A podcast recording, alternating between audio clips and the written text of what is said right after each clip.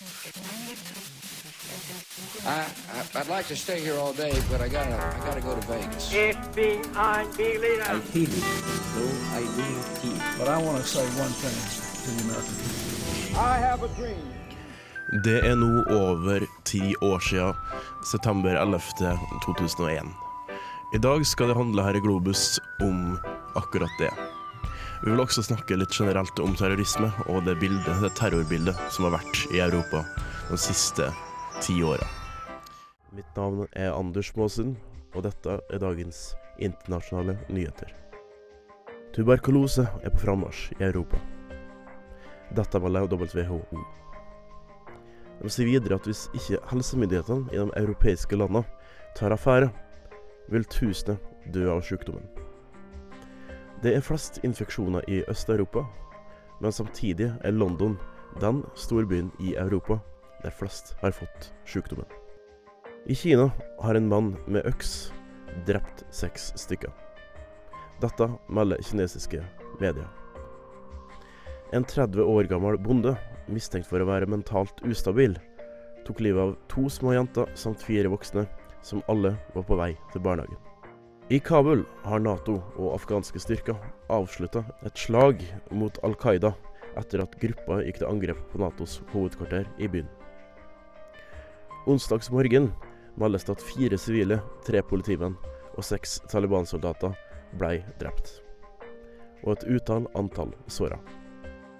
Og i Utah ble en motorsyklist redda av et par tilfeldige studenter da han traff en bil og ble sittende fast under bilen. Dramatiske scener da motorsykkelen sto i brann bare en meter unna føttene til en uheldige mann. Dette var dagens nyheter. Mitt navn var Anders Småsen. Ja, eh, og vi snakka jo litt om eh, det at det nettopp har vært et angrep i Kabul på Nato-styrker og afghanske styrker nå i de siste dagene, så da ble avslutta litt tidligere i dag. Eh, det her er jo direkte opp mot dagens tema, som da handler litt om det der med hva som har skjedd etter 11. september. Og en av de første tingene var vel at du gikk til krig i Afghanistan. Ja, absolutt. Uh, nesten bare en uh, halv måned etter uh, angrepet på Twin Towers og Pentagon, så gikk amerikanske styrker inn i Afghanistan sammen med norske styrker og andre fra Nato. Del av artikkel 5 at ethvert angrep på et Nato-land tilsvarer som et angrep på hvem som helst av alle, medlemslandene. Og dermed så godkjente FN-kommisjonen at uh, angrepet mot Afghanistan var uh, gyldig. Mm. Fordi det var jo slik at Taliban, da, i, som da var den som var en av de regjerende maktene i eh, Afghanistan De var jo i krig med Nordalliansen, men i all hovedsak den regjerende makta. De også var liksom harboring terrorists, og derfor da var en fiende mot Nato. Ja, i tillegg så som vi alle vet nå i ettertid, så har jo Taliban hatt uh, sterke konservative retningslinjer og, og, og, en kultur for uh, kvinnediskriminering og liten frihet og så videre. Og, og, det har jo da kommet opp nå gjennom, gjennom tidene. Mm. Uh, ellers så hadde vi også litt snakk om uh, en liten gladsak på slutten. Det var mye tragisk som hadde skjedd.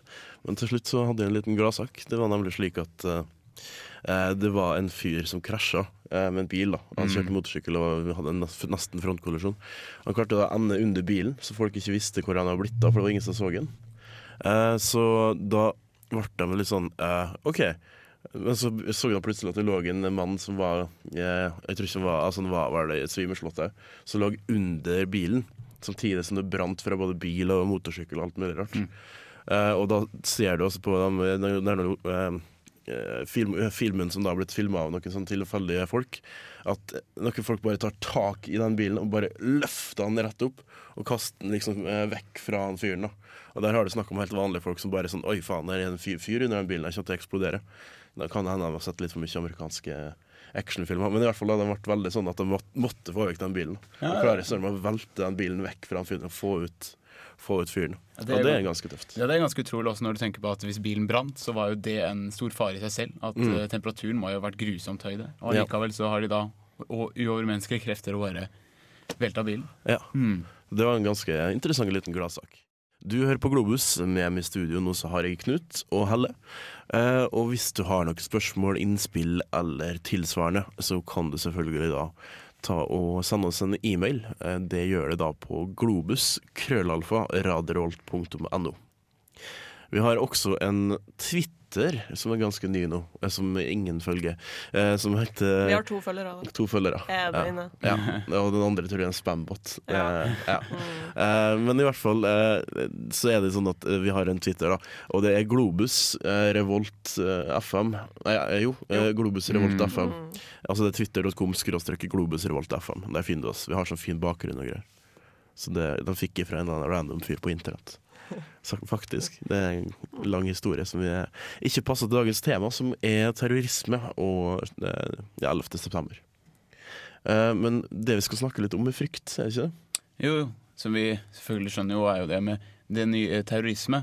Det skaper jo frykt.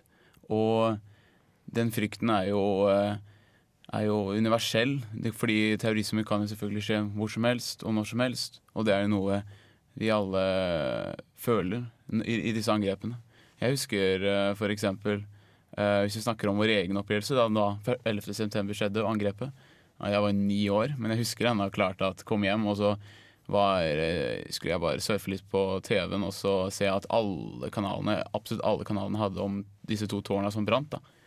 Og eh, det mer og mer vi hørte om det, så ble det på en måte mer og mer sånn forvirra og nesten litt sånn redd, fordi du, du følte ikke kontroll over en kjempesvær nyhetsaksjon og verdensproblem, da. Som til slutt skjedde, og som skjer hele tida overalt. Ja, jeg vil jo egentlig si at uh, den største styrken til terrororganisasjoner som f.eks. Al Qaida, da, er jo egentlig at de er uforutsigbare. Og at det kan skje når som helst, hvor som helst, som Knut sier. da. Uh, det er kanskje ikke den, deres militære slagkraft, for det er jo på en måte ja, altså eh, mer eller mindre eh, svak. Altså de står jo De er jo kanskje ikke så organisert og sentralisert, men det er på en måte den, der, den evige trusselen som man må leve med. da. Altså flyplassikkerhet, f.eks. Gjør at folk blir ja, redde og usikre. da. Ja, det er jo eh, etter angrepet på 11. september i USA, så ble jo eh, så ble det mye mer sikkerhetsrutiner. Ja, når jeg var i eh, For når jeg var til, eh, på ferie i, i St. Croix, og jeg fløy inn i Chicago. Og det her var eh, et halvt år etter angrepet. Da var det sånn at uh, det var total sjekk på alle, og alle som hadde pass med, med, og vært i land som var, var litt sånn skeptiske. Sånn som en uh, kamerat av faren min. Han hadde vært i Syria uh, som journalist i VG, men han hadde glemt å ta med VG-kortet. Og da han kom inn i kontrollen-sjekken, så var det disse her Home Security. da, så bare, Sir, where have you been? Og, og have been in Syria? Og så, da ble han faktisk kasta inn i et eh, avhørsrom, og jeg tuller ikke med det. Og der satt han i tre timer, og flyet han skulle ta, som vi tok, det rakk han ikke. Og så måtte han til slutt ringe til VG-sjefen din. Hei, du, altså, de har meg her i avhørsrom, og eh, du kan si at jeg er eh, at jeg er journalist i VG. Og så ja, ja, selvfølgelig, jeg må ikke ha han, han er ikke noe terrorist. Og så slapp han ut, da. Jeg har jo en kompis han er, som jeg møtte på et seminar Et sånt lite sånt seminar om faktisk islamofobi i, eh, i Budapest. Eh, Han er fra Canada og skulle flyge da til Dallas og alle ting etter at han har vært i Europa. Dallas, ja. Han er sikh, eh, som betyr at du da går med turban og har skjegg. Han er to meter høy, og han er brun. Han brukte litt tid på den turen, og det var ikke fordi at flyet fra Budapest til eh, New York tar så lang tid. For å si det sånn. Eh, Så det er litt sånn eh, det De ikke De, de har et selvfølgelig tilfeldig utvelgelse, eh, på samme måte som alt annet er tilfeldig utvelgelse. Eh, Men det er liksom tilfeldig at han da ble valgt ut hver gang. Eller er det det? I dag så snakka vi jo da om terrorisme og om 11. september. Og den som sto bak 11. september, det var jo Al Qaida, Helle. Ja, jeg har eh, sett litt på eh, Al Qaida som organisasjon og deres eh, ideologiske bakteppe, da, kan du si. Og så har jeg sett litt på hva som ja, hva som kanskje er framtida for denne organisasjonen, og hva bin Laden sin død vil ha å si. Og så ja, hadde vi litt, litt historisk bakgrunn også. Mm. Da får vi høre saken til Helle, som da handler om Al Qaida.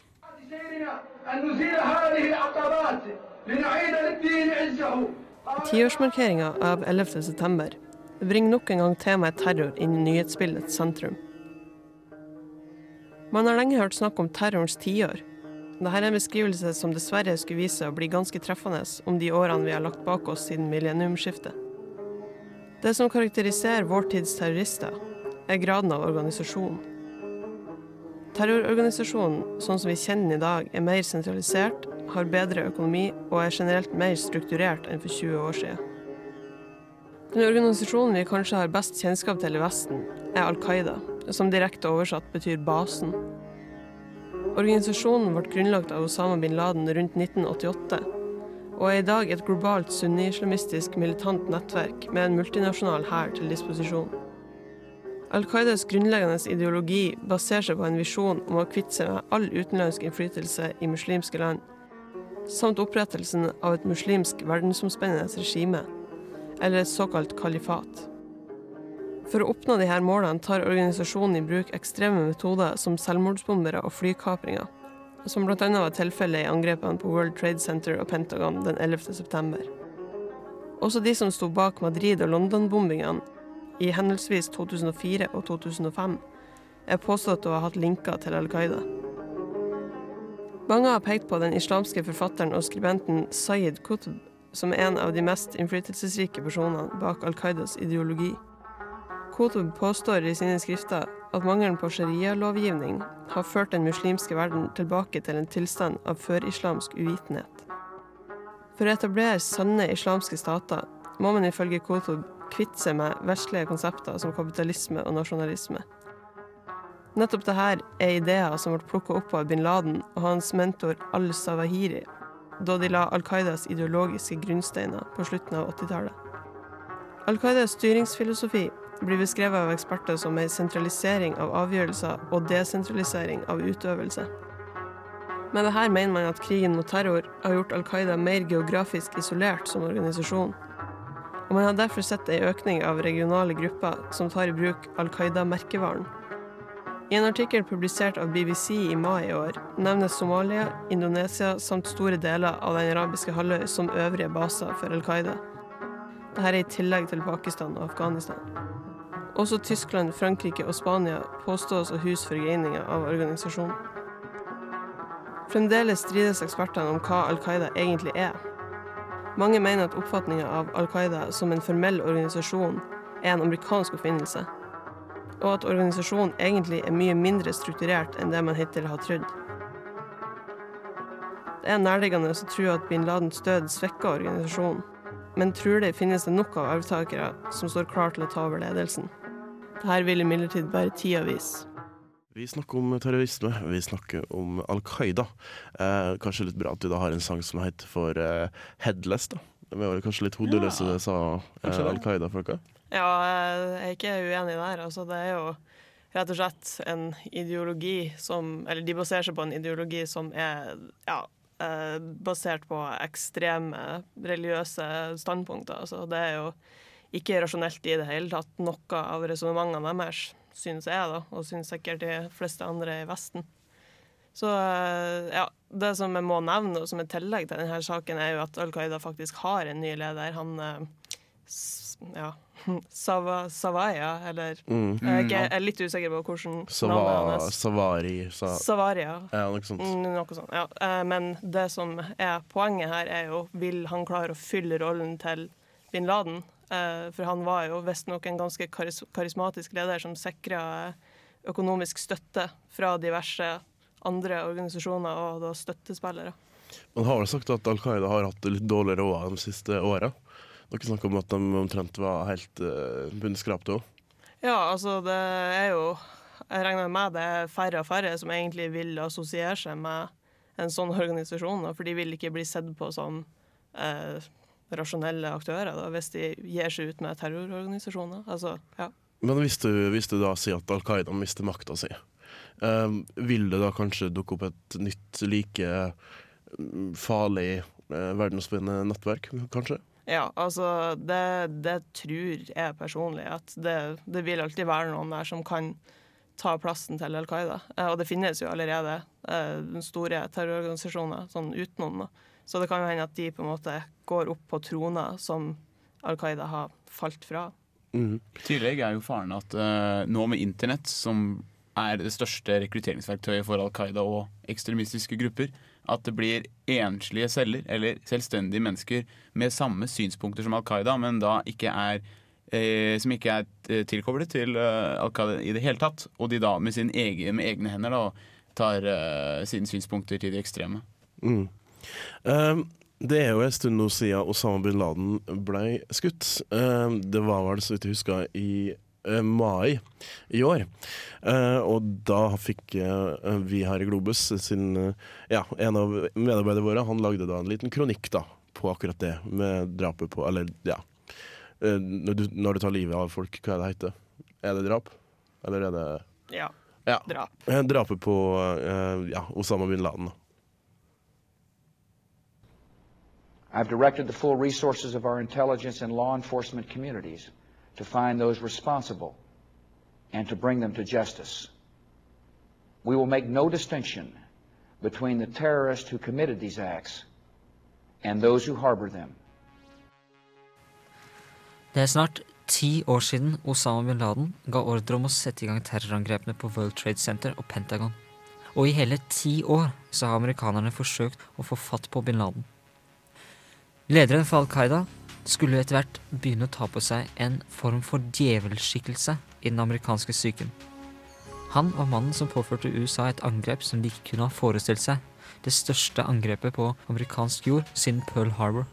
Og han var mannen som unngikk alle forsøk på å lokalisere ham i et årtie.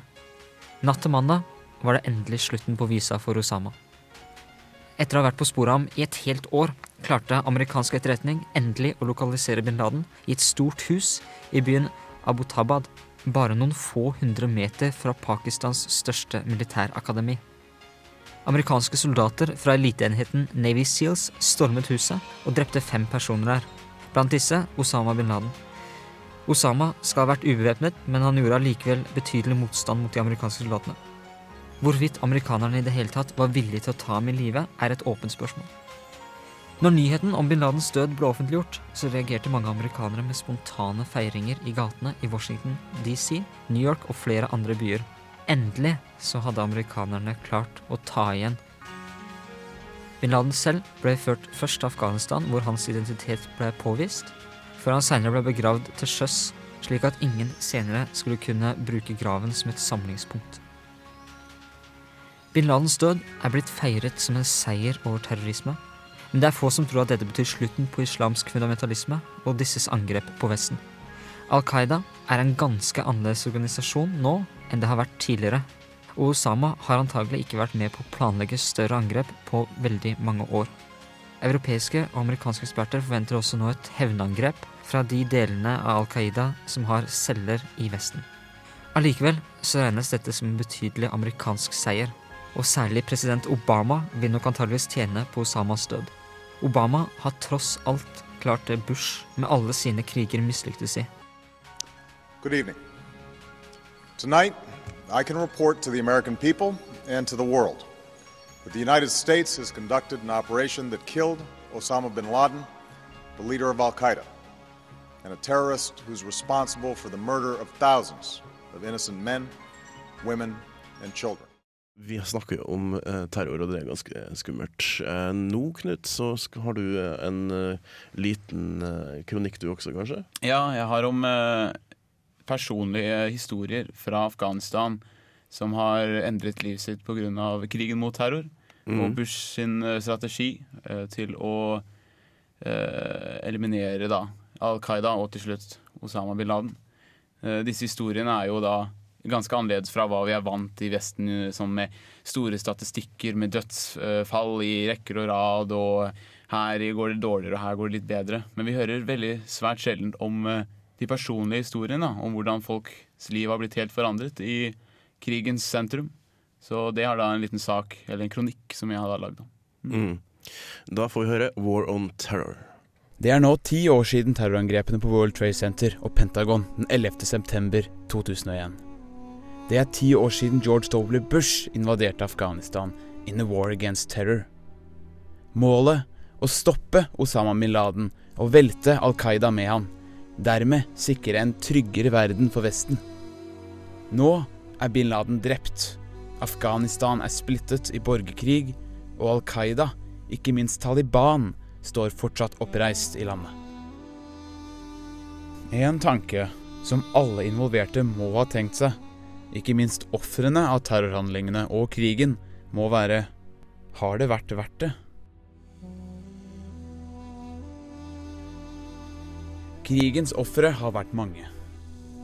Forskningsprosjektet Cost of War av Brown University på Rhode Island har estimert at over 225 000 mennesker er drept, og over 7,8 millioner er drevet på flukt.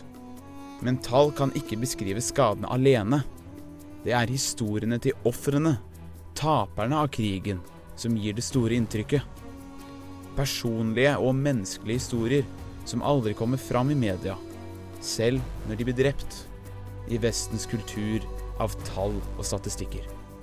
Historier som er virkeligheten til millioner av mennesker i Afghanistan. Ta eksempel den 40 år gamle flyktningen Habibullah Rahman. Han mistet synet, et ben og moren sin i et bombeflyangrep. Han levde lenge midt i kryssilden mellom Taliban og Nato. Han sa hvis Taliban ser at myndighetene kommer hjem til deg, skyter de deg. Hvis Nato ser deg med en turban og skjegg, tror de at du er Taliban. Og hvis de tror du er Taliban, skyter de deg. Hans far ble drept på vei til moskeen fordi han så ut som en fra Taliban.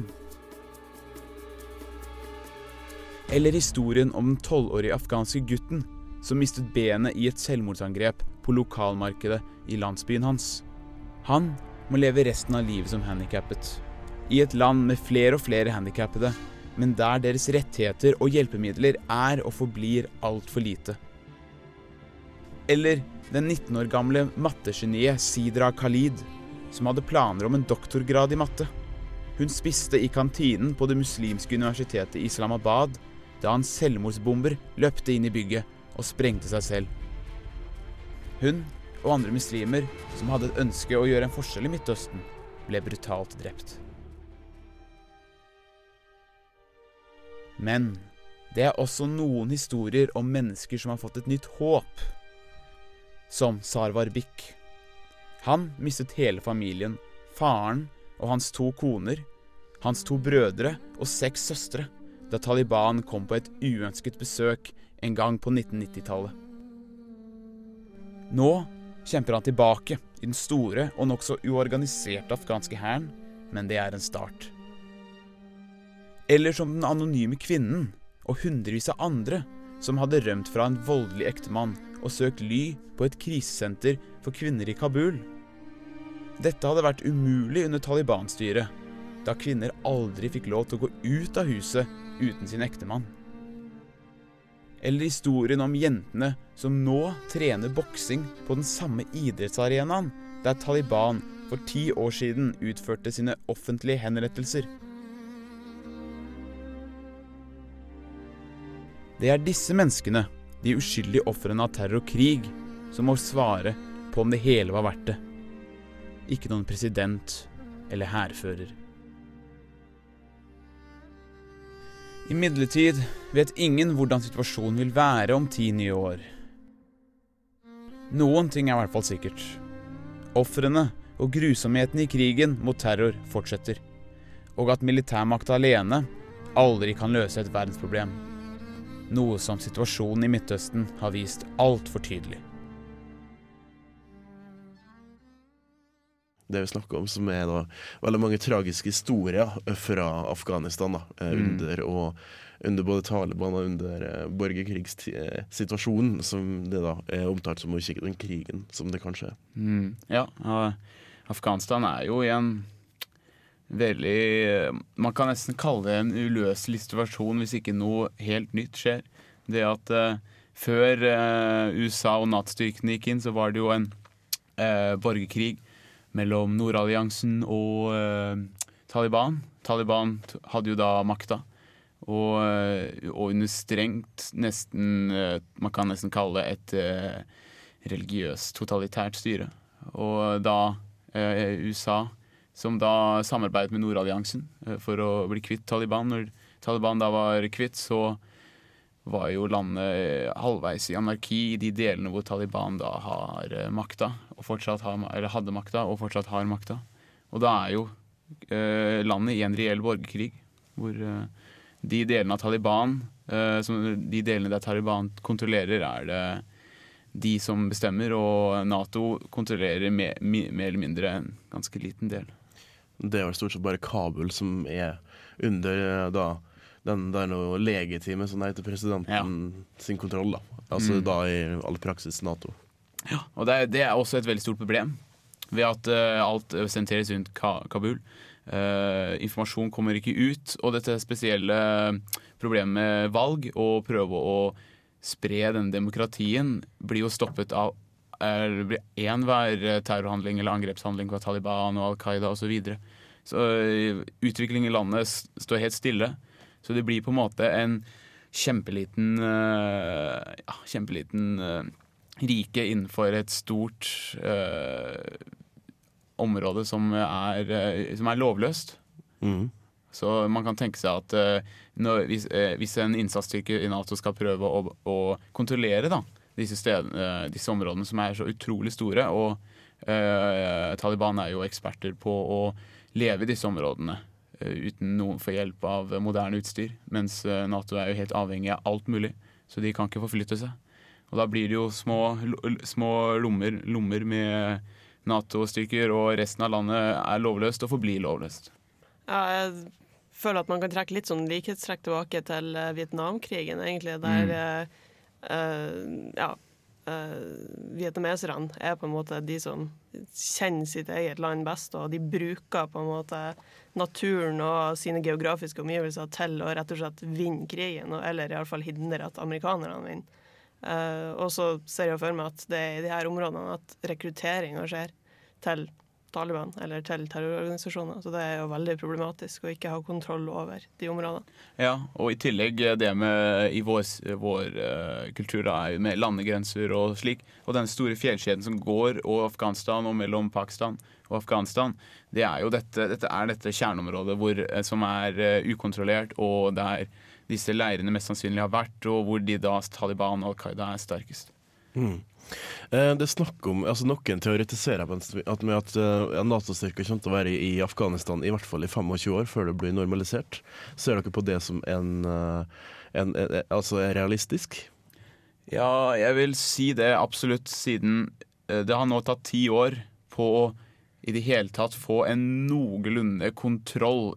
De, de styrkene vi, de, Man ser nå at styrker begynner å bli trekkes ut, men det er sakte. Og, og nesten alle styrkene som var i Irak, det har jo nå gått over til Afghanistan. Eh, Så situasjonen er helt fastlåst, og hvis man da eh, forlater eh, landet nå, trekker ut alle styrker, eller bare en liten del av styrkene, så kan alt det man har nå arbeidet for i ti år, da, det kan jo bare forsvinne helt. For det er det største problemet, akkurat som i, i Vietnam.